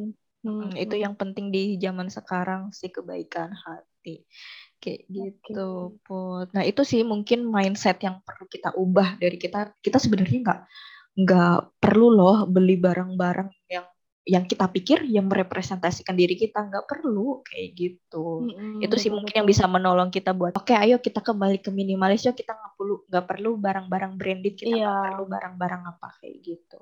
Iya walaupun susah ya karena kan uh, gimana ya maksudnya di masyarakat kita kan juga maksudnya juga masih uh, berpikirnya itu masih beberapa yang enggak semua orang. Tapi oh, beberapa juga iya. masih melihat orang dari luarnya aja nih kayak oh, gitu. Nah betul sekali. Kalau, hmm, betul. Kalau kejadiannya kayak gitu sih sebenarnya ya kita nih yang bisa mengontrol uh, diri kita pikiran kita ya udah tutup telinga aja gitu sih betul gitu kan kita nggak bisa menyalahkan karena mungkin mereka belum belajar minimalism gitu ya. betul ya. atau uh, mungkin mereka kurang jauh mainnya ya kayak gitu. Gaya kali nih kita sih. Padahal padahal tengoklah lemari ya kan. Oke oke. Siap. Itu uh, setuju sih itu poinnya uh, menarik banget. Hmm. Terus kalau dari Putri apa lagi nih? Oke, okay, next uh, tentang membuang barang butuh keterampilan. Oke, okay, jadi oke, okay, jadi apa? Uh, kan kesannya minimalism ini kayak gampang-gampang susah ya kayak hmm. susah sih menurut gue oh, susah buang barang doang kok buang barang doang buang barang doang gitu tapi kan pas kita buang barang kayaknya susah amat ya mau buang satu aja kayak aduh sayang iya aduh, banyak pertimbangan si banyak pikiran Betul. inilah itu. Ujung-ujungnya nggak dibuang malah beli baru loh. Ya kan? Bener nah, bener. betul. Tapi bukannya tidak mungkin karena sebenarnya uh, tadi ketika kita belajar minimalism itu kita juga uh, belajar gitu loh trik-triknya. Contohnya nih kayak misalnya coba deh uh, buat target satu hari satu jenis barang gitu yang hmm. di filter ya. untuk dibuang kayak gitu. Kan kalau misalnya 30 hari aja udah berasa kan kayak uh 30 hari udah berhasil memfilter barang-barang yang nggak berguna atau berlebihan. Kayak gitu sih. Jadi kayak um, tadi ketika minimalis itu ada kok triknya, ada kok keterampilannya. Karena kalau nggak pakai keterampilan juga jangan sampai betul. yang dibuang salah gitu. Yang betul, penting yang uh, dibuang. Betul, gitu. setuju sih. Uh, itu termasuk kayak keteram kita butuh yang pertama mungkin butuh keterampilan uh, memprioritaskan barang ya. Maksudnya barang mana yang benar-benar kita butuhkan dan barang mana yang ya udah nggak kita butuhkan. Mungkin ada triknya nggak hmm. sih untuk memilih kayak gitu? Okay, Atau kalau nah, uh, yang tadi sih. Uh, yang tadi sih yang pertama itu uh, fokus uh, pada masa sekarang ya. Jadi yang benar-benar kita pakailah in daily basis untuk kerja, untuk uh, sehari-hari yang kayak gitu sih. Nah itu satu sih. Terus uh, juga mungkin juga dengan uh, value-nya ya kayak gitu. Hmm. Jadi kayak misalnya nih kita punya ya tadi barang-barang apa, tapi sebenarnya itu nggak memberikan value dalam diri kita dalam artian yeah ya karena gak, cuma gak ada barang aja, gitu gak kan. ada barang itu Jadi, juga kita bisa kayak gitu kan iya nggak nggak itu nah kurang lebih sih kayak gitu ya belum ahli juga nih Bu, belum bisa memberikan atau, banyak tips. Atau bisa juga dengan cara kayak gini sederhana sih sebenarnya. Hmm. Uh, kalau barang itu tiga bulan nggak kepake, ya udah dikeluarin aja. Oh iya pernah gitu. baca, aku pernah baca juga sih. Iya, ada yang bilang tiga bulan, ada yang hmm. bilang sebulan, ada yang iya, bilang ya, bulan kayak gitu. Tapi uh, kayaknya nggak ada yang eksak ya dalam artian Betul. Yang mana aja, karena kan semua orang proses belajarnya beda-beda, uh, starting pointnya beda-beda. Jadi kalau yang nyamannya kita sembilan bulan deh, karena aku takut hmm. salah membuang sesuatu. Tapi kalau mantan ya udah lah ya gitu. Oke, okay. nah jadi tadi sih yang mana aja yang nyaman karena lama-lama juga nanti kalau udah makin pro makin gampang gitu bang barang, hmm. gak mikir gitu. Apalagi nih Yang bisa kita uh, dapat dari buku itu ternyata uh, para minimalis ini menjadikan kota sebagai ruang pribadi Putri. Artinya tuh oh kayak gini. Uh, kadang kan uh, kita tuh khawatir ya kalau rumah kita itu ternyata nggak nggak berisi nggak terisi secara proper kayak gitu menurut kita. Mungkin kita khawatir yeah. suatu saat keluarga kita datang, eh ya ampun nggak ada sendok piring secara lengkap atau teman-teman kita datang nih mau pesta, eh ternyata nggak ada peralatan yang uh, lengkap peralatan masak lengkap kayak gitu. Sebenarnya kita bisa sih uh, melakukan menjadikan kota sebagai ruang pribadi. Artinya ya udah kalau misalnya suatu saat orang tua kita datang uh, dan nggak ada peralatan masak ya udah kita bawa aja ke restoran ke restoran hmm, betul, betul, Uh, ke restoran yang mereka suka. Atau teman-teman kita mau nongkrong nih uh, di rumah kita oh rumah lu baru ayo kita nongkrong yuk. Ya udah kita persilahkan aja ke rumah kita. Tapi ketika kita nggak mempunyai misalnya barang-barang kayak uh, cangkir kopi atau misal piring untuk menyajikan mereka makanan ya udah bawa aja ke kafe dekat rumah kayak gitu. Atau kalau misal sebenarnya kita uh, butuh tempat untuk leyeh-leyeh ya. Kita butuh sofa besar yang empuk kayak gitu. Sebenarnya kita juga bisa loh ke taman kota atau ke uh, coffee shop terdekat. Di sana sofanya lebih empuk daripada ya kita harus beli sofa mahal. Kayak gitu sih sebenarnya. Para minimalism melakukan itu. Ya gitu. Oke. jadi nggak harus masuk fasilitas ya. Eh kayak betul misalnya sekali. orang, uh, buat gym di rumah. Nah. terus buat bioskop editing nah, fasilitasnya di mall itu di, gitu. dibuat gitu ya di rumah gitu. Padahal uh, kalau kita bilang olahraga kayak sekarang juga di kota-kota itu kan ada taman kota, ada pusat kebugaran itu kan bisa dimanfaatkan ya. Bahkan kan Betul. banyak juga yang gratis. Kayak gitu. Betul, gitu. dimanfaatkan. Jadi kita nggak perlu lah ibaratnya beli alat gym banyak banget yang yang mana kita tuh hmm. gue yakin sih gue nggak akan tiap hari pakai kayak gitu. Oke, okay, Sela standar. kayak gitu. Okay. Jadi itu sih bisa jadi uh, perubahan mindset sedikit kayak gitu. Betul, Jangan apa-apa dimasukin ke rumah kita kayak gitu. Kita manfaatin iya. aja fasilitas yang ada di sekeliling kita. Gitu, Putri. Betul sih kalau dipikir-pikir. udah dibikinin sama ini ya ibaratnya fasilitas umum tapi nggak kita manfaatkan kan sayang juga ya oh, malah kita rusak gitu. ya justru iya. sering-sering atau kayak gitu atau mungkin kalau ini juga ya kalau kita mau maksudnya kayak daripada spend duit banyak-banyak juga buat misalnya ruang kerja yang harus ini banget lah hmm. kita bisa ke coffee shop kan cari betul. suasana baru atau bahkan enak lagi ada bisa co-working space kan betul betul co-working space juga sih solusi banget oke okay, oke. Okay. oke okay, mungkin next apa lagi Putri dari Putri? Oke okay. next itu tentang minimalis bukan hanya tentang barang tapi juga cara kerja dan hal-hal lain kayak gitu. Jadi hmm, tadi emang kita banyakin betul. Dari tadi kita ngomongnya tuh banyaknya tentang barang gitu ya. Padahal hmm. uh, minimalism itu nggak cuma itu tapi uh, kan tadi tuh minimalism itu intinya kita um, hal-hal yang memang memberikan value untuk hidup kita. Kayak gitu. Nah hal-hal itu kan nggak cuma barang kan. Tapi uh, anything. Contohnya juga misalnya kayak cara kerja nih. Um, kalau kita itu berpikir minimalism dalam artian kita fokus pada yang esensial yang penting itu kita juga bisa memberikan output yang maksimal. Contohnya Betul. tuh di buku mm, contohnya di buku itu um, ini sorry ya kalau salah sebut. Jadi Lionel Messi itu oh Lionel, Lionel Messi hmm. Gimana ya bacanya ya uh, hmm. Mas Messi lah ya Mas Messi jadi Mas Mas Messi.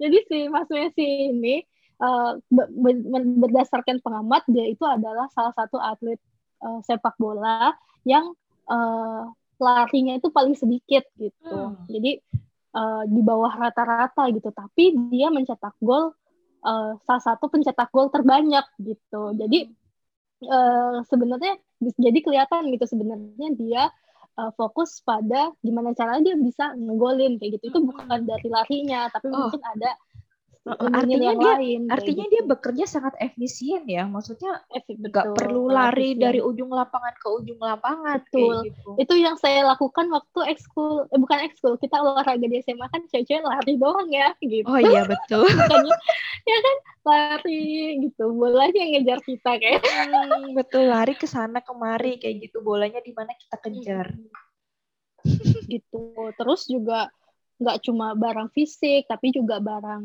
uh, digital. Kayak misalnya uh, handphone kita banyak aplikasi uh, banyak foto atau file-file yang nggak sebenarnya cuma jang doang. Itu kan sudah bisa dibersihin dan membuat performa handphone juga lebih bagus. Kayak gitu sih. Jadi Betul banyak sekali. banget ya minimalism terus termasuk ngedetox um, apa ya pikiran gitu untuk memikirkan hal-hal yang lebih uh, penting. penting. tapi ya tadi tadi tadi juga kebantu kalau misalnya kita bisa berpikir lebih jernih atau lebih fokus ya tadi kalau kita barang-barangnya juga nggak terlalu banyak iya kalau betul kita kerjaan juga nggak ribet gitu. Uh -uh. jadi kayak ya saling nyambung ya iya betul. Energi kita nggak habis ya buat ngurusin barang kayak gitu. Iya betul.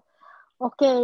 oke okay, next nih dari Sela. Ada lagi nggak Mungkin yang terakhir nih, poin dari aku, okay. uh, eh, kalau dari bukunya Mas Sasaki itu, dia sebutkan mempunyai sedikit barang membuat kita lebih bersyukur dan bahagia. Gue setuju banget sih dengan itu, daripada yang kita kayak I want it, I get it, I want it, I get it. Kayak apa yang kita mau kita dapat, apa yang kita mau kita dapat, ya udah, ya udah gitu aja. Rasa puasnya ya udah sebentar aja. Daripada yang kita punya satu barang kayak gitu maksudnya kita nggak gampang nambah nambah nambah barang kita punya satu dan itu esensial buat kita ya udah kita kayak memaksimalkan fungsi barang itu dan kita merasa bersyukur kita kayak apa ya kalau orang bilang mungkin sekarang kayak mindful kayak gitu ya nggak sih kita nggak hmm. perlu Iya. Uh, ibaratnya kita nggak perlu tercurahkan energi kita buat oh gue pengen beli barang ini beli barang ini beli barang ini beli barang ini kayak gitu itu kan kayak menguras energi banget, menguras pikiran kita banget. Coba deh kalau misalnya kita hmm. kita rem aja, kita wah cukup nih dengan barang ini aja kita pergunakan secara optimal. Ya udah kita bisa mensyukuri lah apa yang kita dapat, apa yang hmm. kita apa yang maksudnya yang udah cukup nih di hidup kita cukup kayak gitu kan. Mungkin perbandingannya misalnya gini, kita punya 10 tas sama yang jarang kita pakai sama dua tas yang memang kita pakai terus-terusan. Rasanya kita bakal lebih apa ya? seneng aja ya dengan yang dua tas itu walaupun mungkin udah buluk udah apa tapi karena dia memberikan value banget kita pakai terus-terusan malah nilainya kayaknya bertambah gitu ya kayak Betul lebih sekali. menghargai dan kita juga lebih gampang jaganya kan merawatnya kayak Oh, gitu betul sekali kita kayak yang gitu. 10 tadi Mm, kayak gitu. Ini kayaknya inti dari buku ini ya. Jadi ujung-ujungnya itu minimalism ini kayak boosting kita punya happiness juga gitu. Mm-mm. itu yang paling kayaknya ujung dari minimalism itu membuat kita lebih bersyukur sama bahagia. Kayak Iya, karena kalau kita bersyukur itu ya yang tadinya kita uh, mau A B C D kayak karena di atas langit kan masih ada langit Masih ada langit, nggak Nah. akan nggak akan selesai kayak gitu. Kita Iya, masih sibuk betul. dengan mengejar apa yang kita belum dapat kayak gitu sih. Betul. Nah, kalau kita bersyukur, rasanya kayak sebenarnya kayak cukup ya. Contohnya baju. Baju, Hmm. kalau misalnya kita, oh ya, uh, aku bersyukur, ini cukup, ini nyaman, ya sebenarnya eh, gue kayaknya cukup aja. Bahkan lebih ya kayaknya baju yang kita Hmm. punya. Betul sekali. Sepatu juga, kalau dipikir-pikir, oh, lebih dari cukup. Bahkan kita bisa punya spare buat ganti-ganti. Jadi malah kita nggak perlu beli lagi kayaknya. Mm-mm. Oh iya nih, sebelum kita mengakhiri mungkin ya eh, Putri, Iya. menurut lo itu eh, seberapa minimalis kita sih sehingga kita bisa disebut sebagai minimalism? kalau sebenarnya minimalism setiap orang itu akan berbeda-beda. Hmm, Kalau betul. Cot. gue itu gue betul karena kalau gue tipikal yang eh, apa ya eh, percaya bahwa semua orang itu punya eh, starting point beda-beda, Hmm, betul punya sekali. titik yang berbeda-beda kayak gitu. Jadi em, kalau yang menurut gue itu balik lagi ke orangnya mana yang eh, menurut dia itu nyaman, mana yang gampang di- mudah dia dijalani gitu. Mm-mm. Tapi kalau yang pernah gue baca, em, ada juga orang yang menganut minimalism itu eh, apa ya ekstrim, dibilangnya Betul. itu ekstrim Uh, uh, minimalism. sampai satu apartemen dia isinya cuma kasur satu ya sama meja Betul. satu kayak gitu tuh menurut gue juga ekstrim sih. Iya. Contohnya si uh, Fumio Sasaki ketika dia Hmm. pindahan dia cuma butuh uh, 30 menit. 30 gitu. menit buat siap-siap ya. Ya ampun gue Iya, tuh kita jadi bisa ini kali. jadi inget pengalaman gue Putri. Ya ampun, kenapa gue kayak oh ya udahlah gue kepengen nih uh, menjalani gaya hidup Hmm. minimalisme sebenarnya. Iya. Gue tuh kan pindah dari kos dari kos satu ke kos lain selama selama di Jakarta lima tahun tuh mungkin ada lima kali ya. Setiap kali gue pindah kos, barang-barang gue yang gue bawa dari kosan lama ke kosan baru, terus pindah ke kosan yang baru lagi itu jumlahnya nambah dua kali lipat kayak gitu Nambah. sampai terakhir kali gue pindah ke ke daerah ke rumah orang tua gue, gue masih gue banyak banget barang yang gue bawa kayak gitu loh put. Oh my god, jadi gue Gitu. jadi dari saat itu tuh gue udah deh gue akan eh, nggak akan membawa semua barang-barang gue. Nah saat itu semua buku-buku gue yang udah gue kumpulin, gue sumbangin ke komunitas baca. Terus baju-baju gue juga yang gue jarang gue pakai, gue sumbangin ke mana-mana. Dan mungkin eh, sejak eh, tahun 2020 kebiasaan gue membeli baju yang setiap yang sebelumnya bisa gue setiap bulan gue beli beberapa baju. Jadi gue kayak setahun itu cuma beli baju satu atau dua kali dan itu pun harus vivo ya. Maksudnya satu gue beli ya udah gue harus mengeluarkan satu atau bahkan gue mengeluarkan dua kayak gitu sih. Itu yang bikin Iya. itu yang salah satu uh, jalan gue menuju minimalis. Walaupun gue belum belum terlalu banget minimalis kayak gitu nah Iya, kalau jadi eh, tersadar sendiri ya tersadar gitu. sendiri karena barang-barang itu sebenarnya merepotkan dan yang merepotkan itu sebenarnya nggak kita pakai kenapa sih barang-barang nggak kita pakai tapi ngerepotin diri kita kayak gitu itu sih yang Iya. bikin gue tertampar-tampar dulu dan sekarang gimana nih ya kan Apa? aku tahu banget eh Stella yang dulu dan sekarang eh, beda banget ya karena dulu kan eh, lumayan eh, bajunya lumayan banget ya sis Ah, ah, betul tiap bulan kayaknya ada gitu ya ada aja Gitu. ya Hmm, karena kayaknya tadi efek pandemi juga nggak sih kayak jadi ngerasa kayak ya ngapain ya beli baju Iya betul sekali. Eh, pandemi ini kayak impactnya gede banget sih buat eh, kita semua kayak gitu. Betul, kayak kita betul. mungkin lebih kayak kayak fokus buat diri sendiri, fokus buat improve diri sendiri yeah. daripada kita memperkaya diri kita dengan barang-barang yang gak kita pakai ke mana-mana kayak gitu. Betul, betul. Oke, oke seru banget ya kalau kita ngomongin minimalism itu betul nggak ada, habisnya, habisnya gitu. Dan perjalanan menuju minimalism itu panjang karena kalau kayaknya baca-baca tuh orang yang ekstrim minimalis pun dia masih berusaha gimana caranya biar lebih minimalis lagi gitu. Mm, biar kayak, hidup lebih bahagia iya, gitu. Sampai barangnya tuh cuma satu tas doang gitu. Itu keren banget sih. Kayak gitu. Cuma ya karena waktu kita terbatas, mungkin next time kita bisa juga nih bahas minimalism uh, from another perspective juga mm, gitu. Betul sekali. Hmm, jadi kesimpulannya nih apa sih? Mungkin kita sebelum penutup uh, apa nih yang mau uh, saya sampaikan? Gitu. Uh, tolak ukur minimalism orang itu beda-beda. Ya kita yang tadi Putri bilang start starting iya. point iya. orang itu beda-beda. Ya udah kita melakukan apa yang terbaik lah yang kita bisa kayak gitu jangan sampai barang-barang yang nggak terpakai itu membebani kita membebani betul, pikiran betul. kita yang seharusnya kita bisa lebih produktif kita fokus ke barang-barang yang nggak terlalu esensial kayak gitu sih. Semangat teman-teman. Semangat. Nih kalau dari aku lebih ke buat teman-teman yang mau menerapkan minimalism itu mungkin perkuat why-nya jadi yeah. jangan karena ikut-ikut atau enggak di kantor lagi musim nih minimalis minimalis gitu Nah, mungkin kita perkuat why-nya kayak tadi misalnya uh, ba bagus itu kayak memang kita udah tahu ya problemnya, udah kejadian juga kayak gitu sih. Jadi uh, karena udah kejadian, jadinya lebih terus belajar tentang minimalism, jadi kena gitu. Nah, Betul jadi sekali. buat teman-teman mungkin uh, apa cari tahu why kenapa sih aku harus minimalism. Jadi kalau biasanya kalau kita belajar kan jadi oh ya kadang-kadang tersadar kadang-kadang masalah kan kita juga nggak sadar ya kalau misalnya sebenarnya nih kita masalah loh kadang-kadang iya. kita abaikan loh. Uh, kita Tapi abaikan karena kita, kita males aja kayak gitu. Iya, cuma pas kita baca feel relate gitu kan kayak oh ya mm. ini ini problem nih. Gak iya. harus gitu sih. Jadi perkuat why-nya. Oh, Oke. Okay. Jadi Putri. untuk teman-teman yang tertarik nih tentang minimalism, uh, monggo belajar dari berbagai sumber karena yang kita share ini cuma secuil banget iya ya. kita cuma nggak gitu. ada seujung kukunya ya betul nggak ada seujung kuku gitu. Jadi mungkin belajar dari Instagram YouTube YouTube gitu ya buku atau sumber-sumber lain lah dari teman segala macam. Uh, ambil berbagai perspektif. Betul sekali. Oke sampai jumpa di podcast seperempat abad episode lainnya. Bye bye, bye.